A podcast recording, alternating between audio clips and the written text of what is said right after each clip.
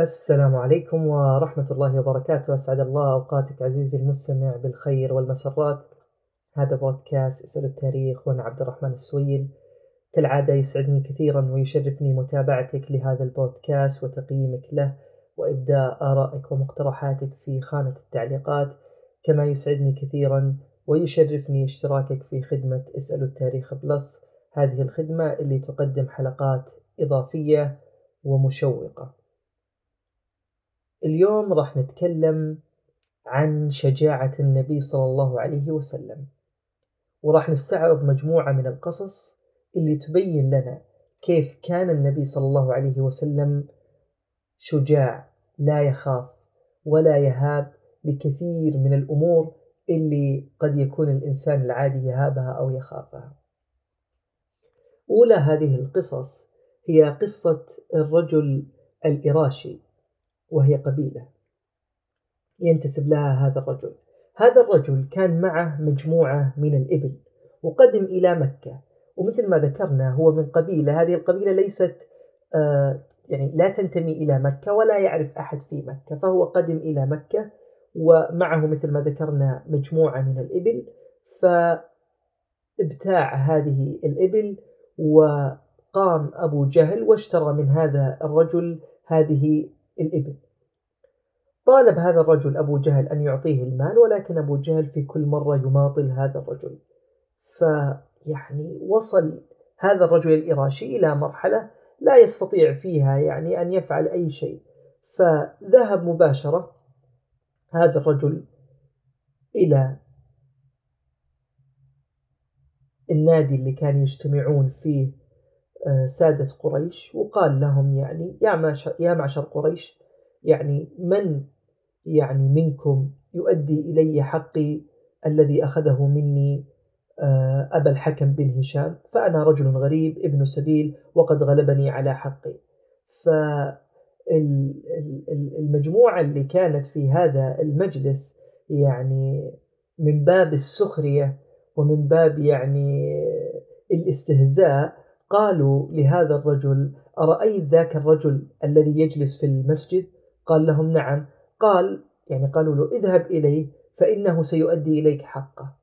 طيب من كان هذا الرجل؟ كان هذا الرجل النبي صلى الله عليه وسلم. وكان هؤلاء اللي في المجلس يعني قالوا هذا الكلام سخرية لأنهم يعلمون ما بين النبي صلى الله عليه وسلم وما بين أبو جهل من يعني ال ال يعني من من العداوة ومن البغضاء ومن الكره. فمن باب السخرية والاستهزاء بهذا الرجل نذهب إلى إلى إلى ذلك الرجل اللي هو محمد عليه الصلاة والسلام. وانظر يعني سينصرك على أبو جهل. فالمهم أنه أقبل هذا الرجل الإراشي حتى وقف على النبي صلى الله عليه وسلم وقال له يا عبد الله إن أبا الحكم بن هشام قد غلبني على حقي وأنا رجل غريب ابن سبيل وقد سألت هؤلاء القوم فدلوني عليك لتأخذ حقي منه. فقال النبي صلى الله عليه وسلم انطلق إليه وقام النبي صلى الله عليه وسلم معه.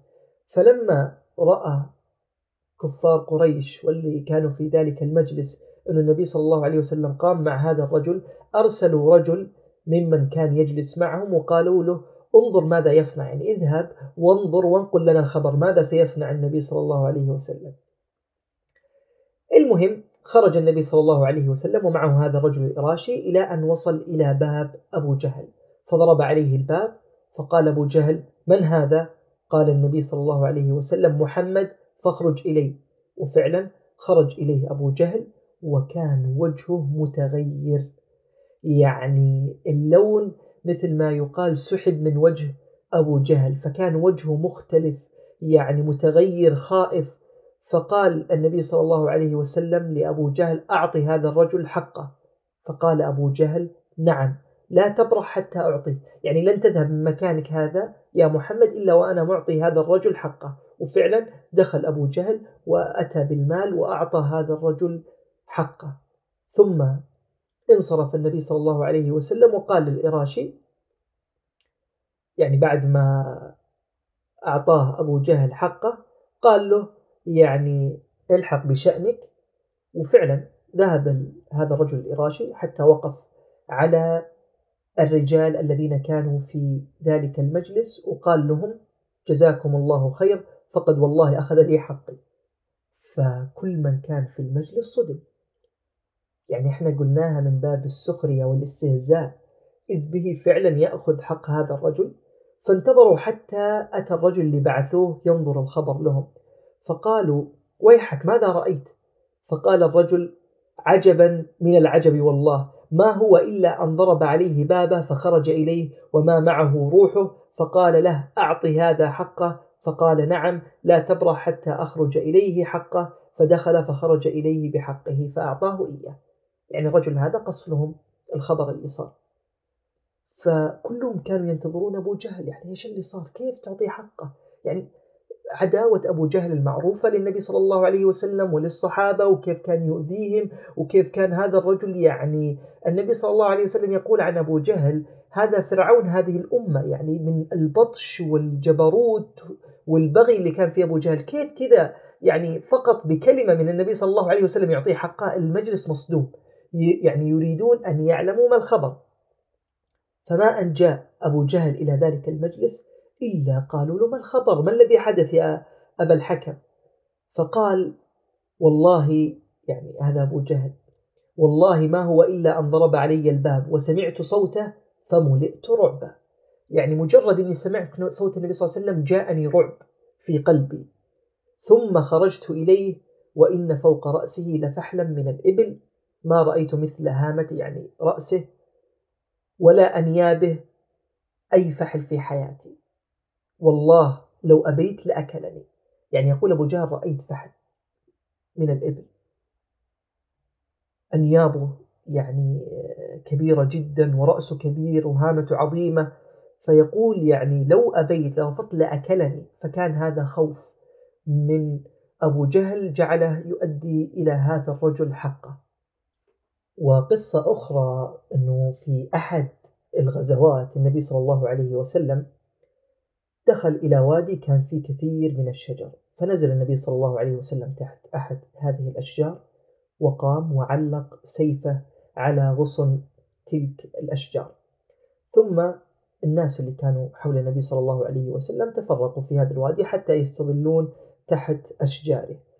المهم رجل من الأعراب كان يتسلل خفية حتى وصل إلى النبي صلى الله عليه وسلم والنبي كان نائم تحت شجرة فأخذ هذا السيف اللي كان معلق واستيقظ النبي صلى الله عليه وسلم. وإذ النبي عليه الصلاة والسلام يرى هذا الرجل واقف عند رأسه ممسك بسيفه اللي هو سيف النبي في يده والنبي صلى الله عليه وسلم أعزل ما معه أي شيء فيسل هذا السيف ويقول للنبي صلى الله عليه وسلم من يمنعك مني يا محمد؟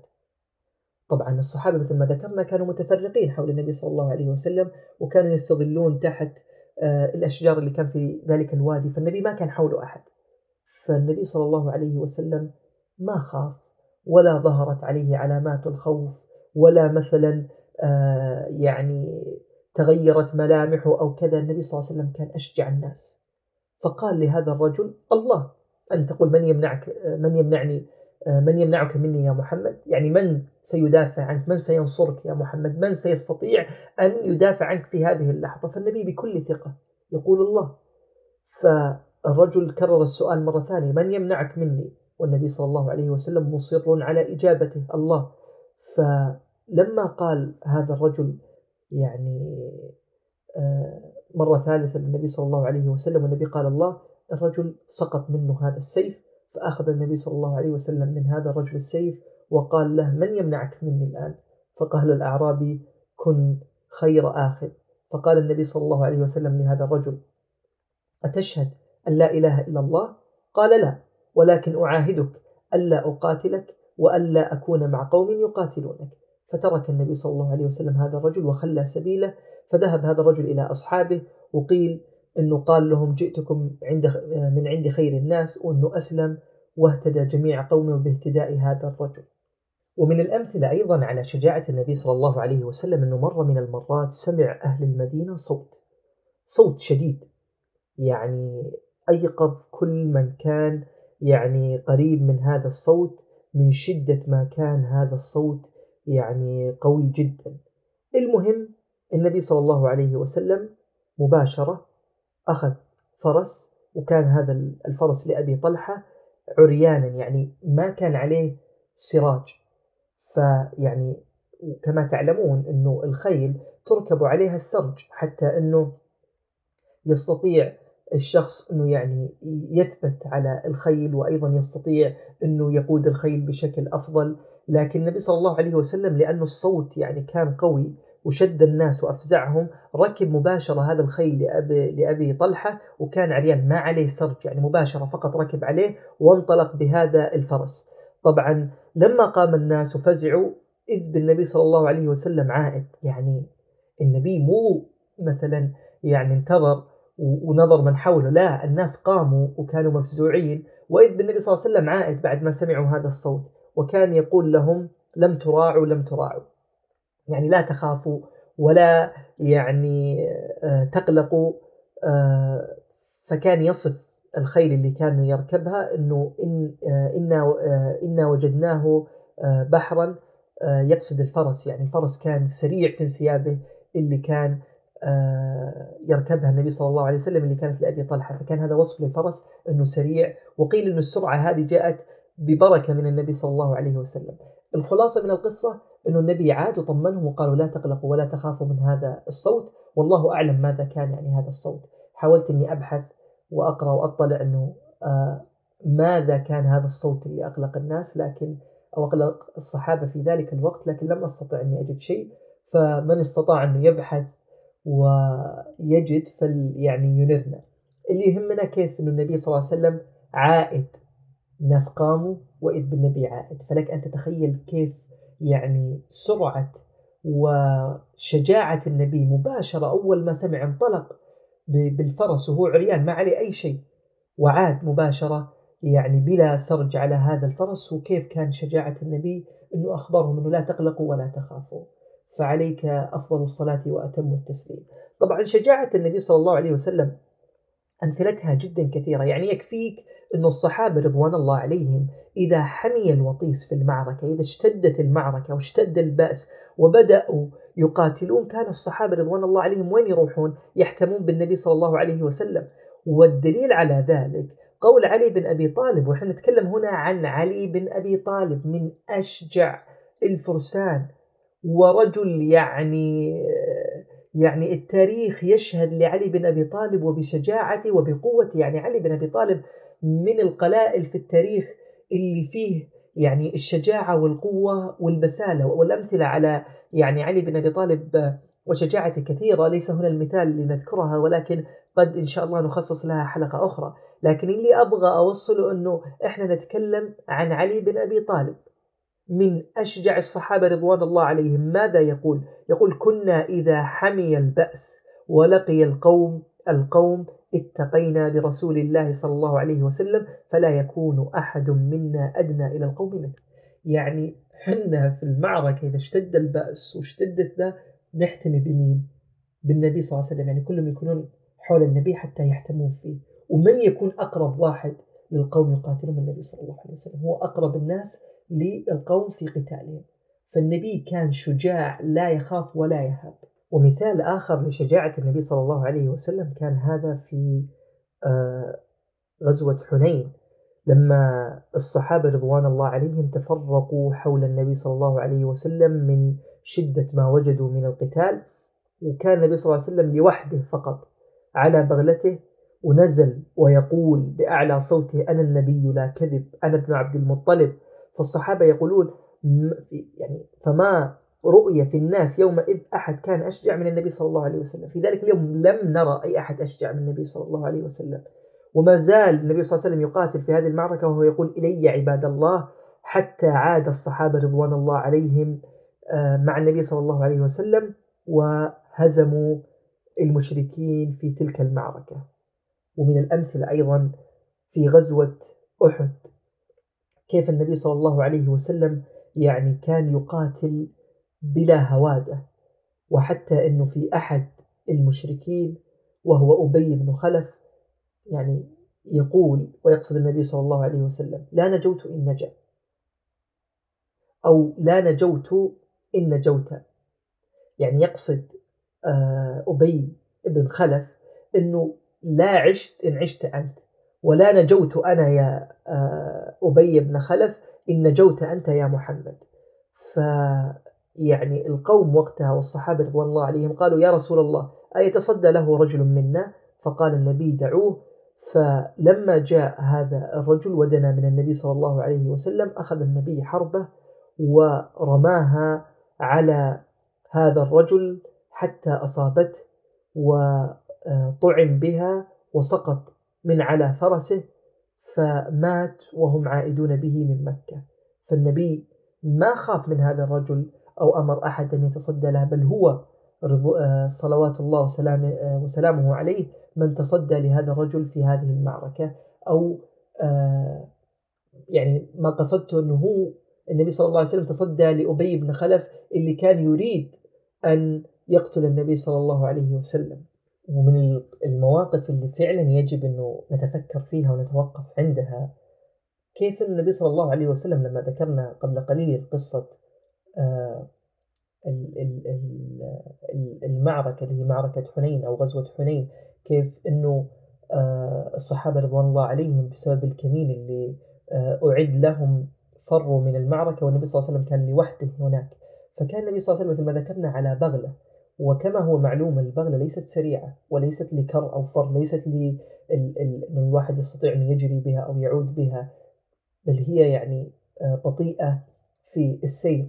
وإضافة إلى ذلك النبي صلى الله عليه وسلم كان يقول أنا النبي لا كذب أنا ابن عبد المطلب. يعني النبي ما خاف ولا قال أنا لست محمد ولا حاشاه يعني أو أنه ما أنبأ عن اسمه لا كان يصرح باسمه بكل صراحة.